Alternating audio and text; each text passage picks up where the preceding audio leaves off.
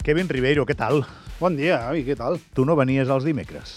Bueno, jo vinc els dies que tu necessitis. Saps que estem aquí dintre la casa, el que necessitis. Hem d'explicar una interioritat. El Kevin és company nostre. Ahir el programa se'ns va complicar perquè van anar apareixent eh, nous elements i van anar afegint eh, aquests bueno, nous elements. l'última hora, no? O sigui... Això mateix, va estar bé, va ser, va, va ser per motius d'actualitat, però clar, hi havia una secció que és la seva que va saltar i avui la recuperem. Exactament. Per tant, molt content de tenir-te aquí, perquè a més a més aquesta secció ens feia gràcia fer-la aquesta setmana perquè tenies convidat. Exactament. Avui ens acompanyarà un, un amic meu que va intentar fer vida aquí a Andorra, però tampoc va, va sortir bé perquè últimament a Andorra doncs, no funciona.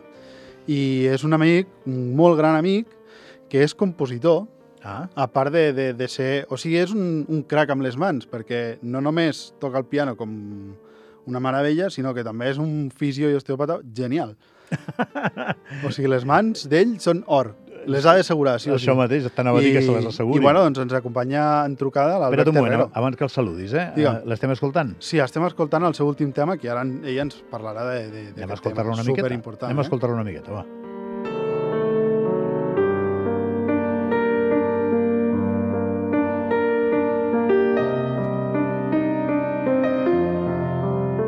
Perdona que t'he xafat ja quan el saludaves. No, no, és, és Que que bé. tinc moltes ganes de parlar amb ell, Endavant. que me l'estimo moltíssim, i res, doncs eh, el que esteu sentint és un, un, una, un dels treballs de- d'Alberto Herrero, eh, un molt bon amic, que això, va intentar fer vida aquí a Andorra, però econòmicament aquí a Andorra no, cada vegada és menys viable. I ens acompanya per telèfon avui eh, l'Albert. Hola, Albert, què tal, com estàs? Hola, bon dia, què tal? Com esteu vosaltres? Molt bé, molt bé. Molt bé, Albert, encantat. Kevin, encantat de- d'escoltar-te. Diu que t'estima molt. I tant, i jo a ell, què, què us penseu? Aquest programa va de l'amor, al final. Aquest de, de tot allò La que ens vida va de l'amor en general. Exactament. Jo estimo sí, Ricard Porcuna. Jo i tothom. sí. Exacte. Bueno, parla'm del teu amic, parla'm... Sí, ja sabem que és pianista, ja sabem que és un, que és un manitas. És un manita, sí, exactament. Eh, i doncs uh, què més, doncs què li més vols trasllado la, la, la pregunta amb ell, si, uh, si tu, Albert, uh, et pots presentar i, i, i explicar qui ets.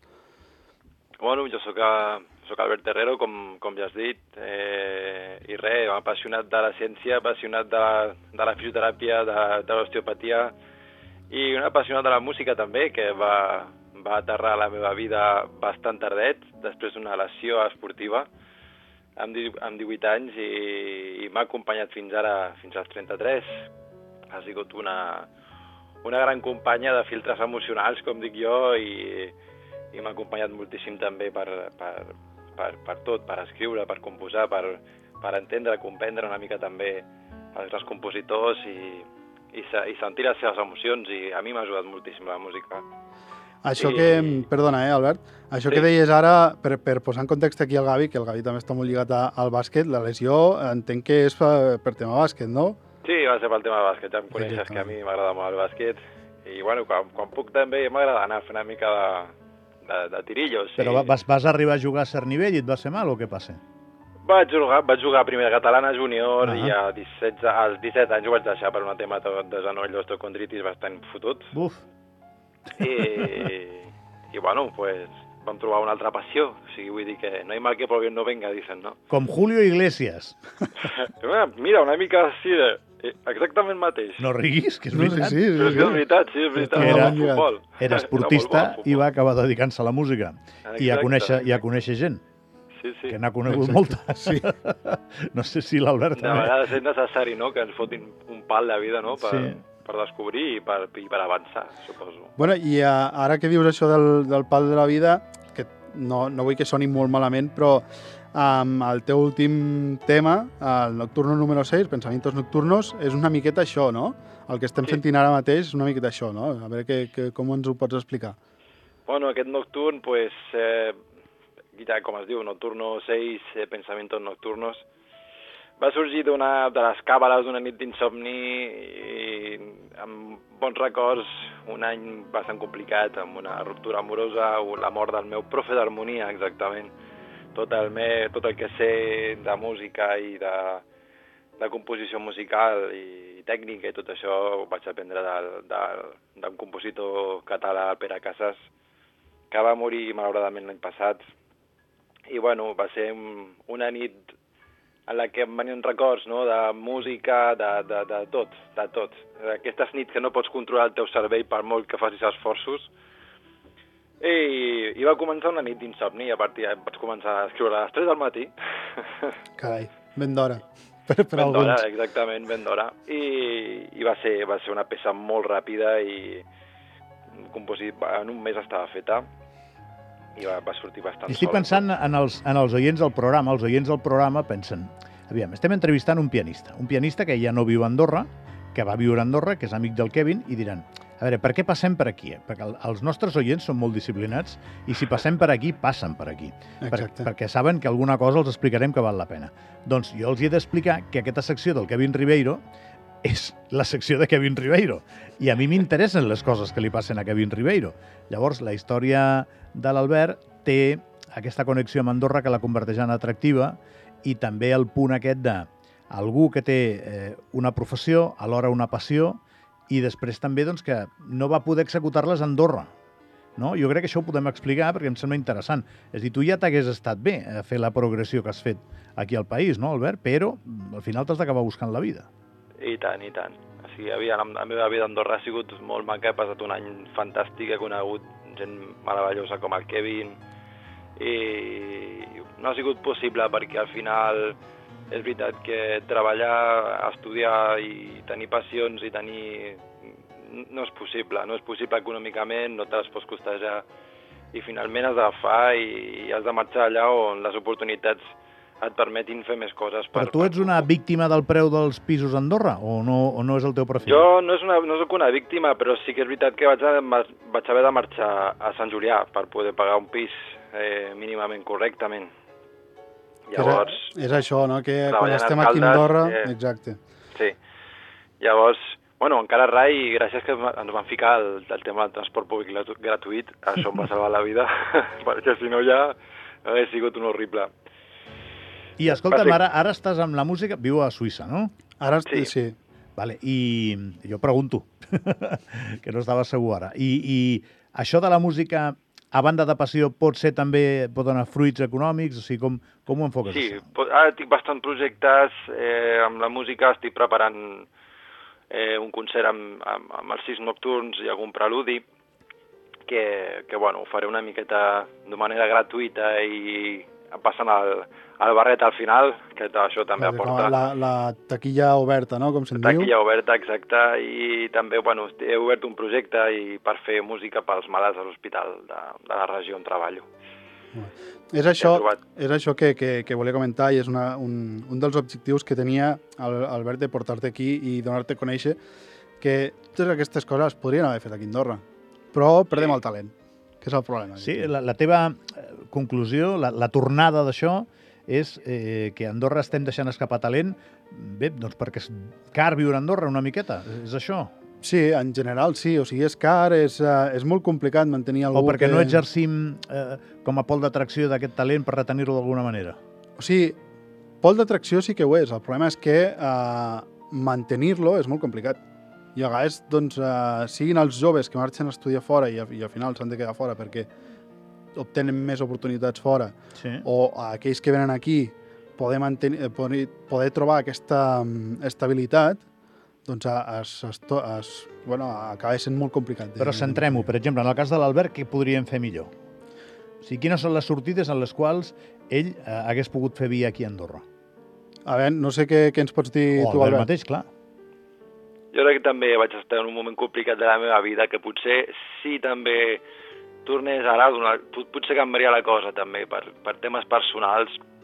Eh, potser sí que fa falta moure's una mica més i saber com funciona ben bé la cultura, les ajudes i facilitar una mica la informació. Jo crec que això també ja no és qüestió només d'Andorra, sinó de, de tots els països. Tenim una concepció cultural molt, molt, molt escasseta i pensem que, que, que l'art es viu de, es viu de, de, de, per amor a la- a l'arte. És aquesta frase que és molt, molt típica, però que crec que hi ha una concepció molt dolenta pel tema de l'art i per tota la capacitat i totes les hores de treball que, que, que, que hi ha darrere i la gent no, no, no és conscient de tot això.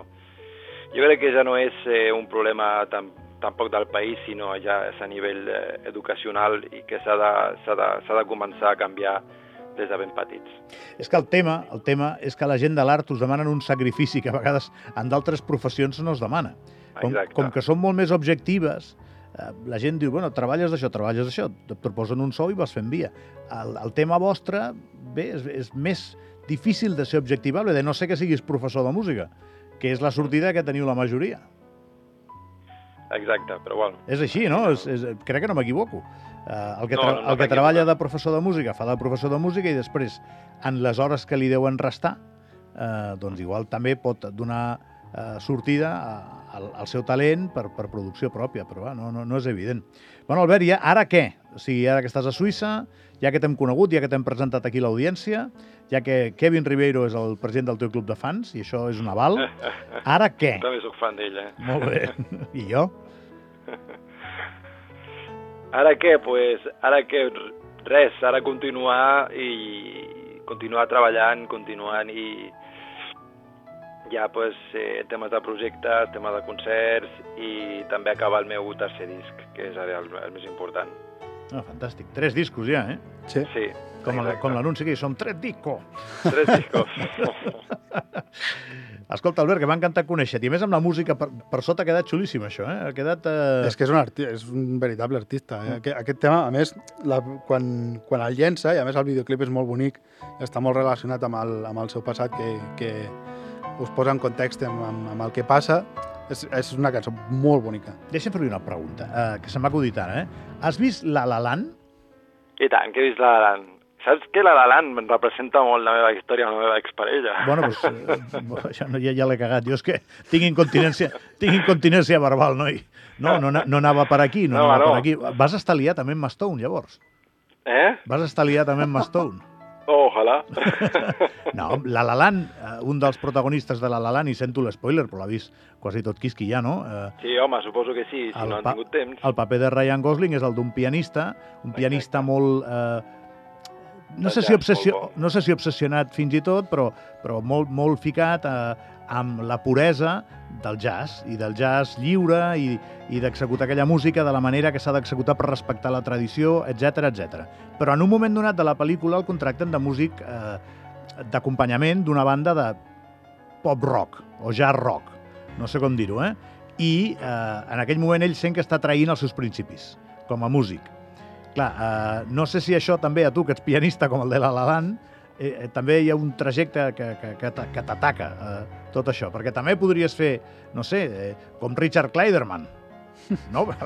o un No, al d'aquests. principi, al principi no. Jo em considero pianista de l'època romàntica, soc, soc molt... Bec molt de, dels romàntics, Chopin, Franz Liszt, Alcan, Brahms, Debussy, tota aquesta gent a mi m'a- m'apassionen aqu aquesta època de la música. I soc bastant fidel als meus principis. És veritat que si algun dia hauria de fer alguna cosa que sigués diferent seria, seria un pianista d'un grup de metal o de rock. Això no seria tampoc anar contra els meus principis. Està bé, això, està bé. Albert, que no et molestem més, que et deixem bé, no amb el que estiguis fent. Bueno, Albert, un plaer, eh? I ja saps que tinc moltes ganes de veure't. Vinga, que vagi molt bé, una abraçada. Gràcies, una abraçada. Tu, Kevin, ets un tio, a part de tenir amics interessants, tens interessos molt diversos, eh? Molt, molt. No hi ha, no hi ha fronteres. No, Aquí no, per, s'ha això, per, això, per això tinc el programa, m'agrada molt. Avui m'has portat una cosa d'un senyor tocant el piano, un senyor, un, un amic teu tocant el piano, un eh, clàssic, però l'altre dia amb els videojocs, que comences a dir-me paraules que no entenc ni una, no, vull dir, m'encanta, m'encanta, tens... Bueno, ja et portaré més cosetes així variades. I, I ets jove encara, Sí, sí, sí. Encara no he arribat als 30. no? Per això, això està Em molt bé. poquet, però... Veus, això a mi m'estan bé. Perquè tots els clitxers aquests de que la gent jove no té curiositats i inquietuds, No, no, no, això és, Mentira. això és mentira i, i, cochina. i els més joves, encara que la gent digui que no, que estan sempre enganxats al telèfon, molt menys. Els més joves encara tenen moltes més inquietuds, el que passa que no les externalitzen. O si ho fan, ho fan en xarxes i no s'acaba de veure o no tenen la repercussió que potser haurien de tenir aquestes paraules de, de les generacions futures. Molt bé, Kevin. Kevin, que hagis vingut, Kevin. Kevin.